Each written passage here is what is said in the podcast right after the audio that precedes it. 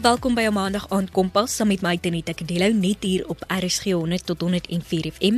Jy kan natuurlik ook inskakel op ons DStv audiokanaal 813 of op ons webtuiste rsg.co.za. In hierdie week waai die wind my al die pad na Durban, waar ek saam met Akona Gaya gesels oor die vele suksesse wat sy al bereik het. Akona Gaya is 'n meisie wat gebore is op Graafplaas in toe trek my familie op die Doringstoet soos ek omtrent so 5 jaar oud. En toe trek my ma Durban toe soos ek omtrent 6 so ek het eintlik groot geraak in Durban in die stad. So ek was 'n plaas meisie wat groot raak in 'n stad. Wat is die Afrikaans? Praat die maar ek het hier gedruk en um, ek kon net besigheid op Instagram met 'n online store is waar klere verkoop ek is 'n influencer, ek is 'n um, psychology master student so ja. Ek dink ek het ek het nogal ver gekom van die plaaste jaar. Nee, definitief Akona. Jy was 6 toe jy Durban toe trek. Hoe het jy daardie skuif gevind vanaf plaaslewe na stadslewe? Dit was vreeslik swaar van in Durban praat niemand Afrikaans nie. En daai tyd toe ek nog so klein was, ek net Afrikaans verstaan. So dit was 'n groot jump, maar ek was mos in graad R. So om skool toe te gaan het my gewoon gelaat raak aan ander mense in die stad was very loud en plus lief is baie eenvoudig stil. Almal ken mekaar, maar in die groot stad is dit iets dat 'n mens moet leer hoe dit is om meer alleen te wees. Dat is dit as in die stad. Ja, en ek dink jy mis ook daai buitespeel, daai vryheid van buitespeel. Ja, baie. Vreeslik baie kon dou altyd soos ons klein was, ses uur praat ek speel 'n steeds sewende land en daar kom geen enige mense hier net om sewende land te kyk, maar hier mm, mm, is dit dieselfde ding. So mense verlang vreeslik baie hy en daar klop om buite te wees om vir almal te ken. Maar dit is normaal dit is. En nou kon jy het nou vroeër genoem dat jy 'n meesterstudent in sielkunde is. Vertel ons ja. bietjie meer van jou studies. Hoekom het jy besluit op dit en waarvandaan het dinge soos finansiële hulp gekom? Ek het besluit ek wil 'n sielkundige gewees omdat ek wil meer verstaan het van myself, van hoekom ek sekere goede dink en hoekom mense sekere goede doen en ook om rondom my te kyk my omgewing like ek kon nie verstaan as hulle sê iemand is mal of iemand ek dat fout met hulle verstand ja wil ek meer kan verstaan dat ek mense kon help.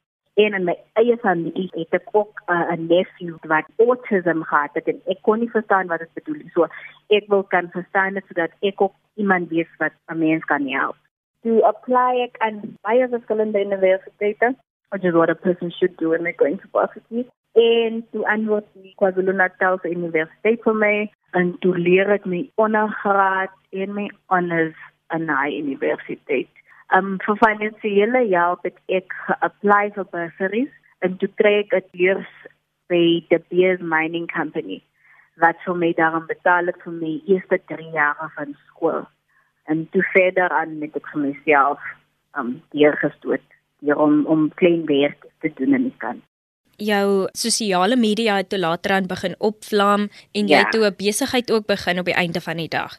Ja, so dit was iets wat ek begin het omdat ek het gesien om te wag om klaar te leer om werk te kry het 'n vreeslike groot probleem is en dis ek baie followers op Instagram en op my social media kry toe kom brands na my toe om met my te werk soos Vodacom ek is 'n regional brand ambassador vir Vodacom in KwaZulu-Natal so dit het vreeslik gehelp. En my besigheid het ook gemaak van baie mense het my altyd gevra waar ek my hier koop en hoe ek goed by mekaar sit? En dis ek okay dit gaan nou 'n slim plan wees om dit self hulle te verkoop. So is so baie swaar ding om op en af en ek doen basies alles self as om foto's te vat om te post om te stuur na mense toe in elke kona van die land en dit opwindend vir my en en en dit maak my baie gelukkig dat ek vir myself geld kan maak. Ja, en nie net die lewe vir jouself beter maak nie, maar ook hmm. die lewe vir jou ouers beter maak wat soveel opgeoffer het vir jou. Ja, ja. Want hulle is my grootste ondersteuner, my ma is my grootste ondersteuner. Sy weet kom ek alles doen in my lewe van hy antie sien groot goede vir my, sy droom groot vir my en dit druk my altyd vorentoe om om om te wees alles wat sy sien ek kan wees. Jy luister nog steeds na Kompas op RSG 100 tot 104 FM. Ek is Tenita Kadelo en ek en Akona gesels oor haar pad na sukses. Akona, jy het nou genoem dat jou ma groot drome droom vir jou en dit bring my by my hmm. volgende vraag. Wat is van die hoogtepunte in jou lewe tot dusver? Die hoogtepunt in my lewe sal ek sê die eerste graduation, wat die eerste graad wat ek gehad het, dis ek om klaar maak en hulle sê, "Oké, okay, dit nou jou eerste graad. Dit was met ek baie groot van ek het vir 3 jaar baie hard geleer en toe in my laaste jaar, die laaste semester, toe dreig ek een vak en te staan my hele lewe stil. So ek het dit vir mense wat altyd vorentoe plan en as ek plan, dan dink ek dit gaan nou uitbeer net soos ek gedink het en toe dreig ek hy een vak toe wag 12 maande tot ek hom weer kon skryf voor ek my graad kon klaar klaar maak. Voor die dag wat ek op die verhoog gestap het, en ek eintlik klaar is en my graad gekry het. Dink dit was die hoogtepunt van my lewe van dit ook vir my gemotiveer om aan te leer. En hoe het jy gevoel? Ek weet dis net soos 5 sekondes wat jy op die verhoog is, maar hoe het dit gevoel om uiteindelik daar te stap en jou graad te ontvang? Ja, dit het gevoel eh, like of dit daarom 15 minute was net om my hande klap te hoor om my familie te hoor my naam uitspreek dit was like of al die swaar werk, al die swaar dagte in die hard leer het uiteindelik uitgewerk. Like you see the proof of your work. Of te sien okay, ek kan iets bereik met harde werk en my gedagte.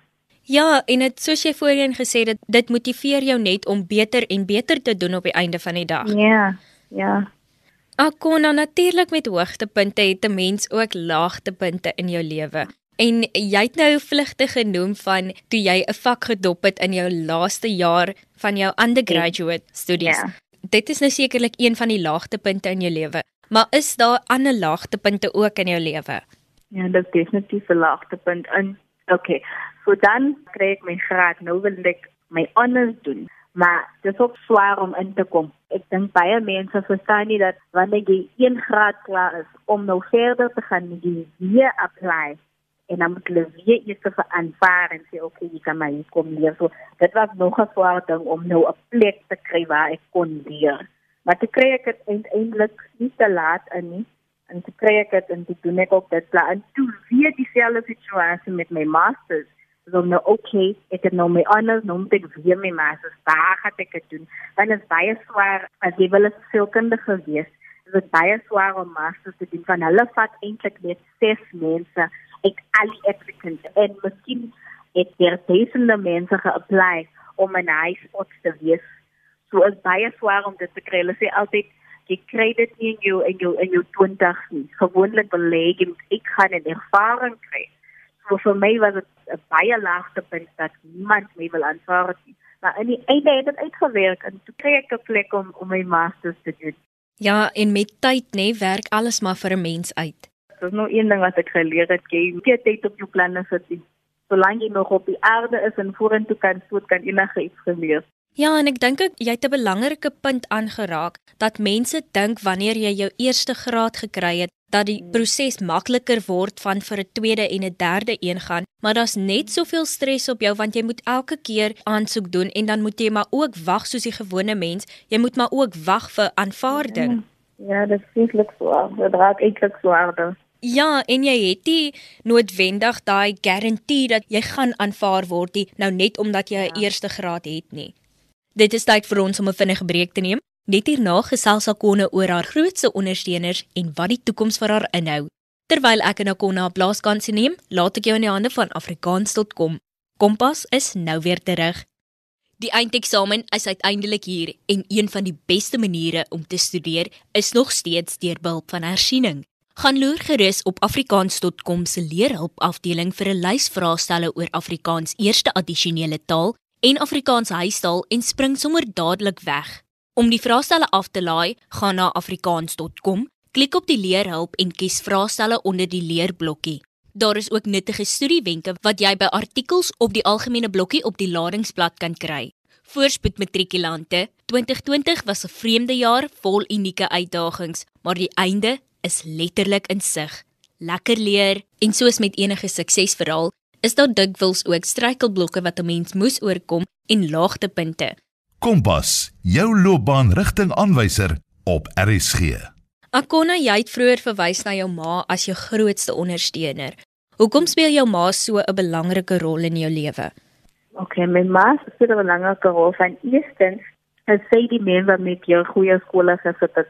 Sy is die mens wat in my gebou het dat my education 'n vreeslike belangrike ding is en dat ek kan enige iets bereik because wanneer ek laag is, dis die mens wat ek na toe draai is my ouer en sy is die mens wat my vorentoe stoot. Sy het ook self universiteit toe gegaan en sy het die jaar is haar eerste graad reg klaar gemaak. So sy is die mens wat vir my 'n foto is van hoe dit is om 'n vroumens te wees en hoe niks se tyd het. Ek kan enige iets bereik. Sy is vir my 'n foto van dit. En sy is 'n cancer survivor en ek het daar gekyk hoe sy vir my alleen groot gemaak het. And that for me was a real reason be a good person om 'n om 'n goeie mens te wees en om om om alles in jou lewe bymekaar te sit vir my is vir my ouer as om vir hulle dit te doen. Dit is vir my die rede hoekom ek leef, hoekom ek wou goed wees, omdat hulle sien in my dinge wat ek baie keer nie sien nie. Ja, en ek dink ook die manier waarop jou ma jou gebemagtig het, sy het jou empower Sy was vir jou daardie sterk pilaar en nou op 'n tipe manier wil jy dit ook vir ander jong mense wees definitief. Ek het 'n klein suster en ek moet die rolmodel wees vir haar vir hoe dit is om met die aarde te leef en hoe dit is om vorentoe te gaan. Dan net ten slotte Akonna, watter raad het jy vir ander jong mense met betrekking tot entrepreneurskap, die lewe in die algemeen, studies en dan ook die toekoms? Vir jong mense en hoe kan nou met met COVID en hoe alles swaarder gaan, sal ek sê moet nooit jou drome in die agtersak sit nie. Maar jy moet ook verstaan om enige iets te bereik in jou lewe, kort dit hard werk en as jy net as jy net wat jy moet hard werk, jy moet besluit dat dit is wat jy wil doen en dan moet jy weet, ek gaan swaar daar wees, maar as jy regtig die ding soek wat jy soek, moet jy net vorentoe druk. Met entrepreneurskap is dat jy moet iets soek wat miskien net jy kan doen of iets wat jy dan jy kan vreeslik goed doen. Because sometimes ek het iets nodig wat jy van hou, wat jy geniet om te doen. Ek gaan nie ek gaan nie maklik opgee nie. Soos ek sê my my winkel was het ek twee keer al oopgemaak. Die eerste keer was hy nie so suksesvol soos wat hy nou is nie. Dan jy moet regtig iets soek wat net jy kan doen van. Elke mens is uniek. Elke mens het iets wat net hulle kan doen en wat hulle suksesvol wees. So jy moet dit kry van jouself en deurdruk. So ek sê aanhou weer in in die lewe moet 'n mens altyd net dit voorsit dat nie alles gaan vir jou gegee word op 'n skinkbord nie. Hoe kan ek kyk na na na waar ek vanaf kom en die lewe is in die plaas. En baie mense wat so ver is dat hulle gehoop het hulle sal wie wat jong mense wat val vir teenage pregnancy, al alcoholism en allerlei goed. Es is baie swaar om uit te kom, om uit te dorings uit te kom en jou lewe vorentoe te druk. Maar dit is net dat jy moet dit jy moet dit soek. Jy moet dit baie baie erg soek. Ek jy moet fokus om vorentoe te druk. Want niemand is niks gegee op die aarde nie. Jy moet daarvoor werk. En Akona met alles wat jy nou weet, wat sou jy vir jou jonger self sê? Ek sou vir my jonger self sê stop stressing, girl. Hop hop stress. Dit gaan uitwerk van die planne wat jy maak en en miskien die dinge wat jy dink is bedoel vir jou is nie altyd wat goed is nie. Luister na jou ouers, van hulle was eerste op die aarde en hulle het eerste deur alles gegaan. Luister na jou ma, moet jy hulle beklei en tot vorentoe.